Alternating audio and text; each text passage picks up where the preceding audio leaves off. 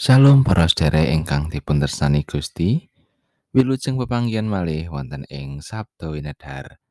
Renungan watintenan basa Jawi. Sumangga sadèrèngipun kita maos pangandikanipun Gusti, kita ndedonga langkung rumiyin. Duh Gusti Allah Rama kawula kasuwargan. Matur nuwun Gusti awit sakathahing berkah pangrimat saking Paduka dumateng kawula sabrayat. Emang dalam mirunggan menika Duh Gusti manah kawula sampun sumadyo badhe nampi sabdo pangandika Paduka. Mugi roh suci nyagetaken kawula mangertosi lan nindakaken menapa ingkang Paduka kersakaken tumrap kawula. Matur nuwun Gusti. Sakathahing dosa kalepatan kawula mugi Gusti kersa ngapunteni.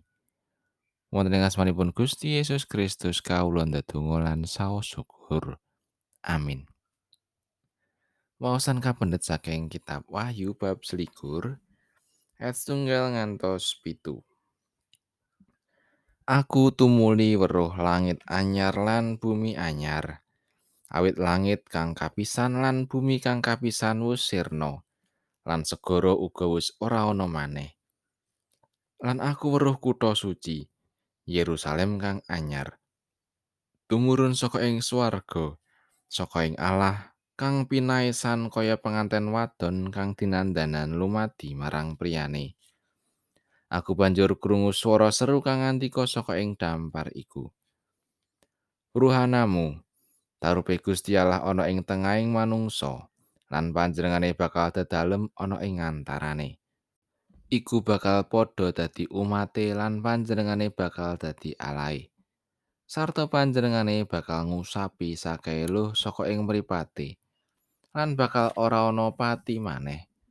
Kasusahan lan pasambat apa dene karubetan, iya bakal wis ora ana.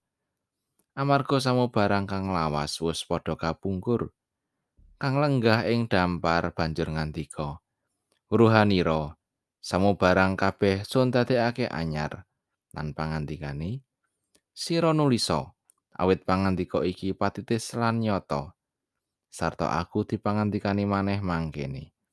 Samu barang kabeh wis kelakon. Ingsun iki sang alfa lan sang omega. Kang murwani lan kang mungkasi.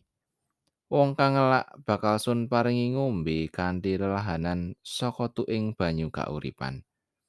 Sing sapa unggul bakal tampa iki kabeh. Sarta ingsun bakal dadi alai lan dheweke bakal dadi putraning sun. Makatan pangandikanipun Gusti ayat naseng ayat 6b. Wong kang ngelak sun paringi ngombe kanthi lelahanan saka tuing banyu panguripan.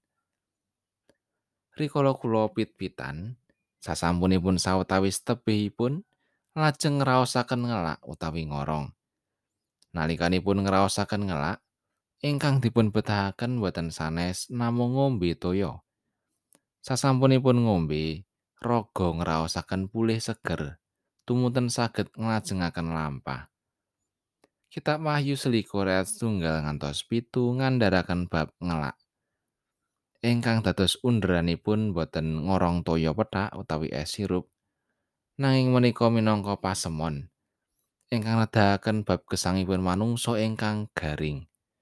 Gesang ingkang tanpa katresnan. Gesang ingkang kecalan tentrem rahayu. Manah lan pikiran ingkang binondo pamrih lan kumeren.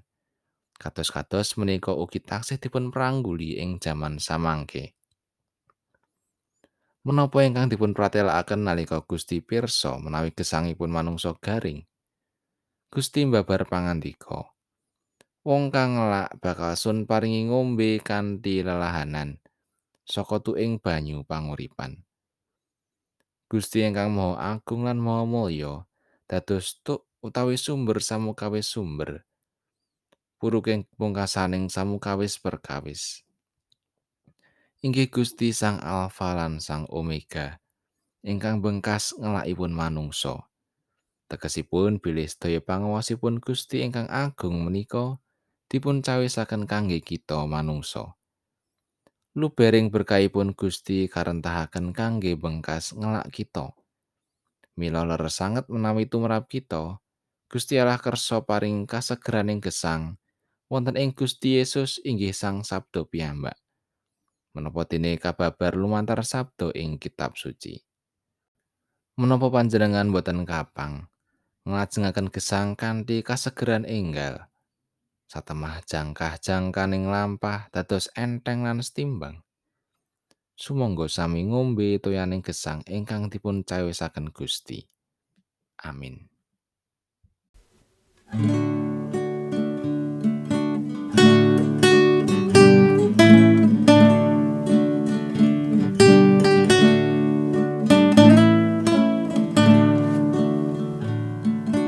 Gusti tetelemo enjing sabunika ing batos kawula.